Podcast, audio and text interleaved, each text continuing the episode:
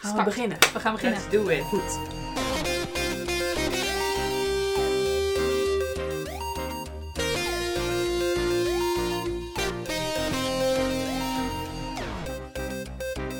Hoi, welkom bij een nieuwe aflevering van de Paagman Tipt Boekenpodcast. Mijn naam is Sascha Haasnoot en ik ben jullie podcast-host. Ben je op zoek naar een nieuw lievelingsboek? Elke eerste vrijdag van de maand tippen onze boekverkopers de meest opvallende, veelbelovende of mooie boeken en kiezen we één boek dat de titel Boek van de Maand verdient. Maar dit doe ik natuurlijk niet in mijn eentje. Ik doe dit samen met Brit, die tegenover mij zit. Hoi, ik ben Brit en ik ben onderdeel van het Boek van de Maand team. Samen met een team van boekverkopers kies ik dus een, een boek van de maand. En de verschillende smaken maken het juist zo leuk. Daarom ben, zijn we hier niet alleen, maar is Evelien ook vandaag weer aangeschoven. Hoi, wat leuk dat ik er weer bij mag zijn vandaag. Ja, super gezellig. Fijn dat je weer toch erbij wilde zijn. Ja, je was wel een beetje aan het smeken. Ja, ja, ik kon het gewoon niet missen eigenlijk. nou, zullen we er doorheen vliegen dan? We hebben gekozen voor Aandenken als boek van de maand maart. Maar daarover straks meer, want we hebben ook heel veel andere boeken gelezen. Dus En, laten we beginnen. Ja, precies. Nou, ik zal eh, aftrappen met het eerste boek wat ik had gelezen deze maand. En dat was eh, De Geheugenpolitie van Yoko Agawa. Dat eh, is een Japanse schrijfster. Zoals je Mhm. misschien al eh, had geraden aan haar naam. Eh, het boek is uitgegeven door Cossé Uitgevers. Eh, en ja, het is eigenlijk een beetje een dystopische roman. Het gaat over een onbenoemd eiland op een beetje een Mhm. onbenoemde plek. En eigenlijk worden heel veel details worden een beetje weggelaten. Dus je zit een beetje te vissen naar het hoe, wat, waar en wie en waarom. Wat gebeurt er precies op dat eiland? Nou, eh, er gebeuren eigenlijk een hele hoop vreemde dingen op dat eiland. Want er verdwijnen steeds dingen. Oké. En eh, ja, die dingen worden eigenlijk steeds groter en belangrijker. En samen met die dingen, en dan noem ik maar even een voorbeeld zoals bijvoorbeeld Mhm. rozen en hoeden en vogels. Verdwijnen ook alle herinneringen die ja, met die onderwerpen of die voorwerpen te maken hebben. Ah ja, ja. Ja, dus eh, nou ja, zoals je wel kan voorstellen, blijft er eigenlijk best een beetje een aparte samenleving over. Maar wat nou precies het aparte is, is dat er dus ook een paar mensen zijn die een beetje immuun zijn voor die verdwijningen en die dus wel die herinneringen Oh. kunnen houden. Ja. En ja, daar wordt eigenlijk een beetje op gejaagd in een soort. eh, ja. Als in worden ze gek, voor gek verklaard of zo? Nou ja, die worden eigenlijk in een soort totalitair eh, regime worden die opgespoord. Oh. En nou ja, wat er dan gebeurt, ja, dat, dat is. eh, dus, Ja, het heeft wel heel de tijd iets, iets mysterieus Ja. en Ja. spannend. En nou ja, ja, het, dat is je wel- echt, eh, het is echt een super mysterieus en dromerig verhaal. Mhm. wat soms misschien meer op een nachtmerrie dan een droom lijkt. Oké. Maar ja, ik vond het echt prachtig, heel poëtisch en het kabbelt eigenlijk rustig voort. En de hoofdpersoon, ja, je, je, je gaat helemaal mee met de hoofdpersoon en haar pad in, dit, ja, in die nachtmerrie eigenlijk. Ja. Maar anderen vonden het toch wel een beetje te, te langzaam. Ja, klopt. Eh, niet iedereen kon dat langzame, voortkabbelende ja, echt waarderen. ja. Ik hoorde ook dat dat een beetje het probleem was met het andere boek, De Drie Levens van Jozef Klein. Ja, klopt. De Drie Levens van Jozef Klein eh, is geschreven door Ulla Lenze. Dat is een, een Duitse schrijfster. Het is vertaald door Chris Lauris, als ik die naam goed uitspreek, en Isabelle Schroepen. En is uitgegeven door Meridiaan Uitgevers. En eh, ook daar waren de meningen wel over verdeeld. De ene Mhm. collega heeft het boek in één dag uitgelezen. Het is 270 bladzijden, dus op zich is dat ook wel te doen. Eh, maar anderen misten wel een beetje vaart. Dus ja, daar zijn sommigen wel in gestruikeld. Oké, maar ik, ik vind trage boeken dus wel heel, heel interessant. Het maakt mij ook heel nieuwsgierig. Maar waar gaat het dan precies over? Het speelt zich af in Amerika voornamelijk. En eh, aan het begin van de Tweede Wereldoorlog. En er zijn ook twee andere verhaallijnen. De een in naoorlogs Duitsland, dus in 1949 volgens mij. Eh, en één nog wat later in, in Zuid-Amerika. Dus vandaar ook de naam De Drie Levens van Jozef Klein. Ja. Eh, in het Duits heet het boek De Ontvanger. Want het gaat dus over een, een man die een soort van verstrikt raakt in nazi-praktijken. Waar hij niet helemaal van op de hoogte is dat dat aan het gebeuren is. Eh, maar hij is eigenlijk vooral heel erg fan van, van, van radio maken, van, Ja. van seinen. En, oh, ehm, dus in die zin de ontvanger. ja, precies. Ah, oké. ja. En eh, ik moet wel zeggen dus dat eh, de Nederlandse titel, De Drie Levens van Jozef Klein, toch wel een klein beetje een andere verwachting geeft. Het gaat toch wel veel Mhm. over zijn tijd in, in, in Amerika, in New York, eh, voor de oorlog. Ja. Dus vooral over één leven van Jozef Klein eigenlijk. Ja. Ja, en daar volgen dan weer twee andere levens uit. En ik denk vooral dat de titel komt doordat hij dus wel ook in, in ieder leven, als het ware, een andere naam heeft. Dus in, Ja. eh, nou, hij is geboren als eh Jozef of Joseph op zijn, op zijn Ja. Duits. In New York heet hij Joe, want nou, Joseph is een te moeilijke naam. En als hij in Zuid-Amerika woont, eh, want daar gaat hij aan het eind heen. Dat is geen spoiler alert, dat eh, begint al vrij, vrij snel in het boek. Dan eh, noemt iedereen hem José. Of Mm. ja, hoe noem je dat in het eh, Zuid-Amerikaans? Is dit een beetje temperament? José! Dus Ja. eigenlijk is dit wel een boek voor als je echt dus van trage boeken houdt. Het is ook een beetje melancholisch. Ja, ik het, jullie ook eerder hoorden, horen zeggen. ja, het leest makkelijk. De taal is redelijk Mhm. straightforward. Ja. Ehm, en het is wel heel interessant, want ik wist eigenlijk niet dat in Amerika... Ja, toch eigenlijk voor de Tweede Wereldoorlog Nee, al Duitsers al een soort van ook bezig ook waren met Nee. voet aan de grond krijgen daar. Ja, ja. Eh, dus ja, als je van Tweede Wereldoorlog boeken houdt en je wil er echt zoveel, zoveel mogelijk over weten, dan is dit zeker een aanvulling. Eh, maar voor ons mist het op sommige plekken een soort van urgentie of ja. ja. net een stukje wrijving, waardoor er iets van een climax Ja, oké. Ja. Dus Alsnog een aanrader. Zeker. Ja, Ja. Dan hebben jullie ook nog twee, zoals wij dat graag noemen, millennial boeken gelezen. Kunnen jullie daar iets over vertellen? Nou ja, eigenlijk schieten we dus even echt op rap tempo door naar de 21ste eeuw. Dat denk ik dat, we, Ja. dat deze twee eh, boeken daar wel door gekarakteriseerd kunnen worden. Maar eh, ja, misschien, eh Brit, kan jij wat meer vertellen over melktanden? Ja. Jij, eh, jij had er toch wel een uitgesproken mening over. Ja, Melktanden eh, is, eh, is geschreven door Emma Curvers en eh, uitgegeven door uitgeverij Pluim. Het, het verhaal gaat over Lon en die gaat samenwonen met een hond, een huis, een vriend, alles erop en eraan. Heel haar leven lijkt beestje. compleet. Ja, perfect. Maar toch, ja, wat heb je eigenlijk aan twee salontafels? Wat heb je aan twee kaasgraven? Ah, maar ja. ze durft het toch niet helemaal los te laten. Dat advies krijgt ze ook van haar moeder. Want ja, je weet toch niet... van eh, moeder. ja. ja, je weet nooit wanneer het echt misgaat. En je moet toch een beetje op je eigen benen blijven staan. Ehm, en uiteindelijk gaat het, ook, eh, gaat het ook mis. Dat klinkt wel als in, ik ben hierdoor gelijk helemaal van, oh, dit wil ik lezen. Maar het is toch geen boek van de maand geworden. Waarom is dat zo? Ja, het is een, het is een heel dun, lekker boekje. En het, en het leest heel, eh, het leest heel vlot, vlot. Dus het is ook zeker fijn om eh, tussen zware kost eh, heen te lezen. Als je net Mijn Lieve Gunsteling hebt gelezen, Sas, dan Ja. kan het echt wel heel goed zijn dat je er even aan toe bent. dat heb ik ook wel even nodig, ja. Maar ja, van samenwonen naar een hond, naar een affaire in 20 bladzijden Oh. vond ik toch wel iets te veel gas op. Ja, oh ja. Oké, dat snap ik wel, ja. Daar wil ik toch nog wel aan toevoegen dat eh, ik het wel echt een leuk boekje vond. Vooral eh, voor mensen, denk ik, in onze levensfase zitten er Ja. lekker veel Ja, zeker. herkenbare dingetjes en stapjes in. En eh, nou, als je nog een boekje nodig hebt om je Goodreads Reading Challenge af te maken, dan zou ik deze er zo op zetten. Ik ga het noteren op mijn Goodreads. Heel goed, Sas. Ja. en dan hadden we nog het andere, tussen haakjes, millennial boek. Waar Ja. gaat het over? Wat is het? Nou, dat is toch ook wel het eh, veelbesproken geschiedenis van mijn seksualiteit van eh, Sophie Lakmaker. Dat is uitgegeven door de uitgeverij Das Mag. Eh, en ja, dit boek gaat eigenlijk over Sophie zelf. Het is ook geschreven vanuit de ik-persoon. En ja, het gaat eigenlijk een beetje over haar...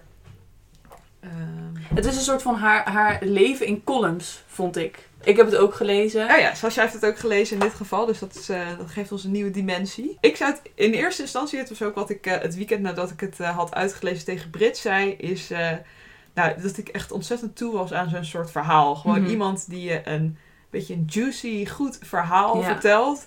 Met leuke details en ze is lekker bij de hand. En ja, best wel brutaal eigenlijk. En ik merkte dat ik er gewoon hard om heb, moet, om heb moeten Ja.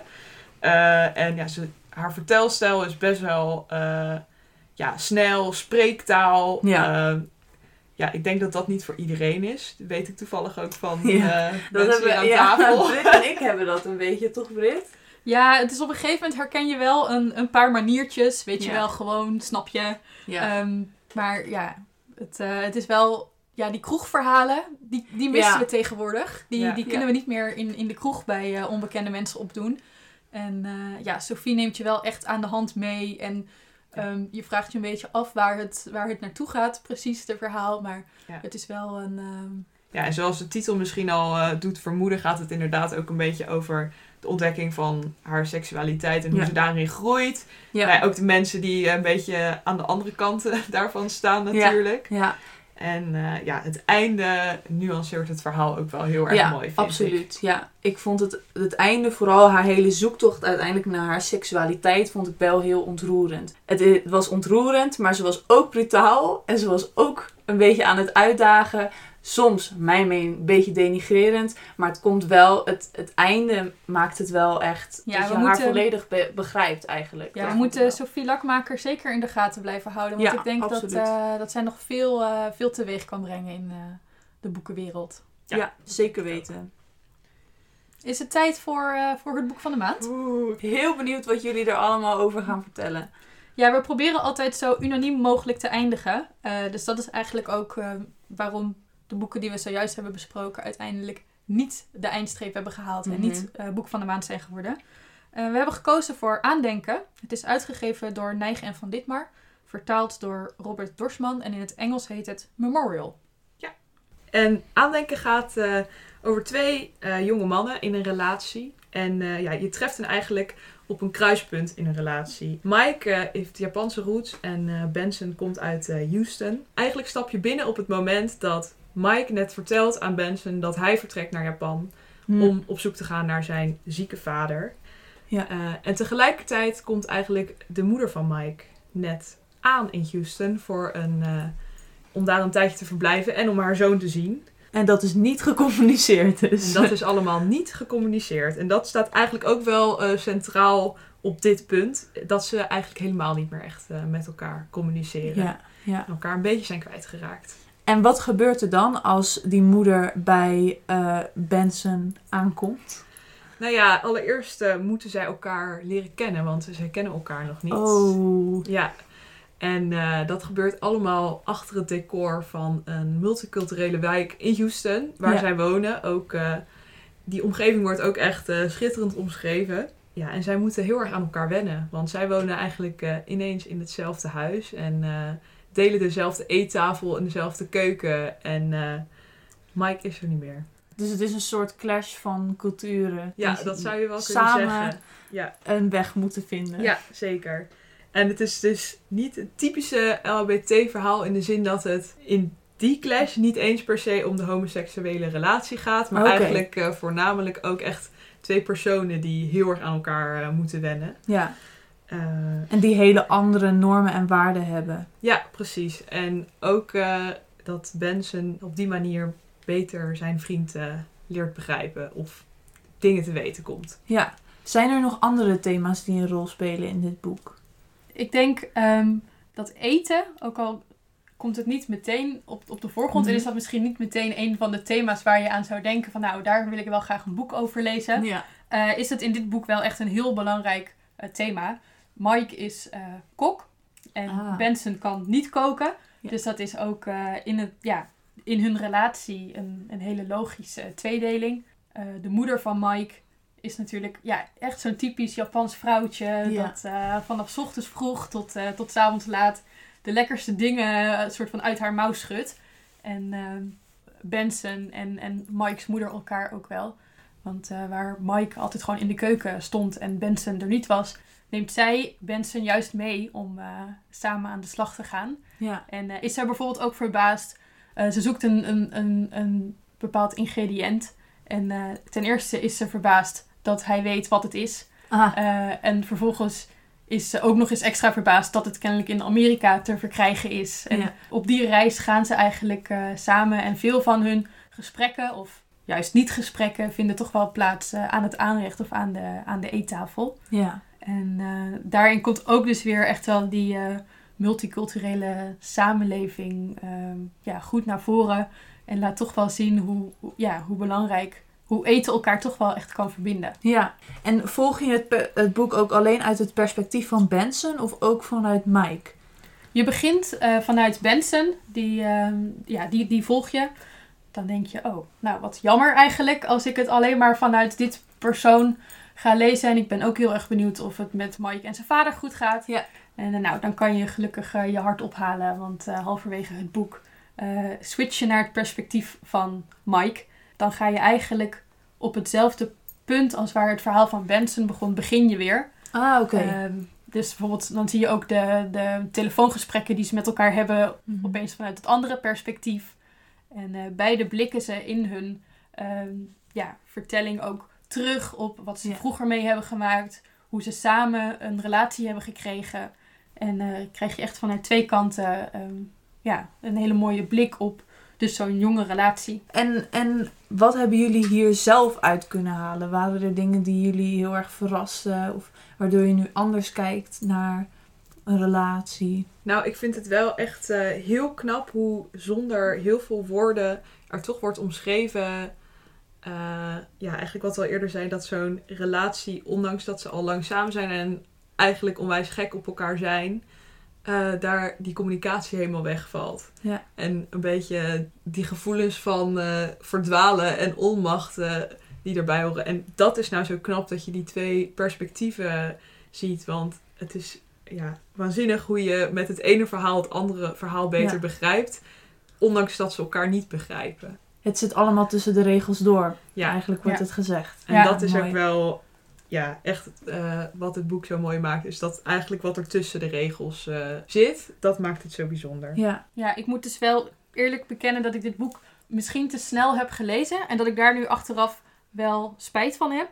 Eh, want om echt tot de kern van het verhaal te komen, ehm, moet je juist ook goed letten op de dingen die, die niet worden gezegd. En Ja. het zit daar vaak juist eh, de zwaarte in.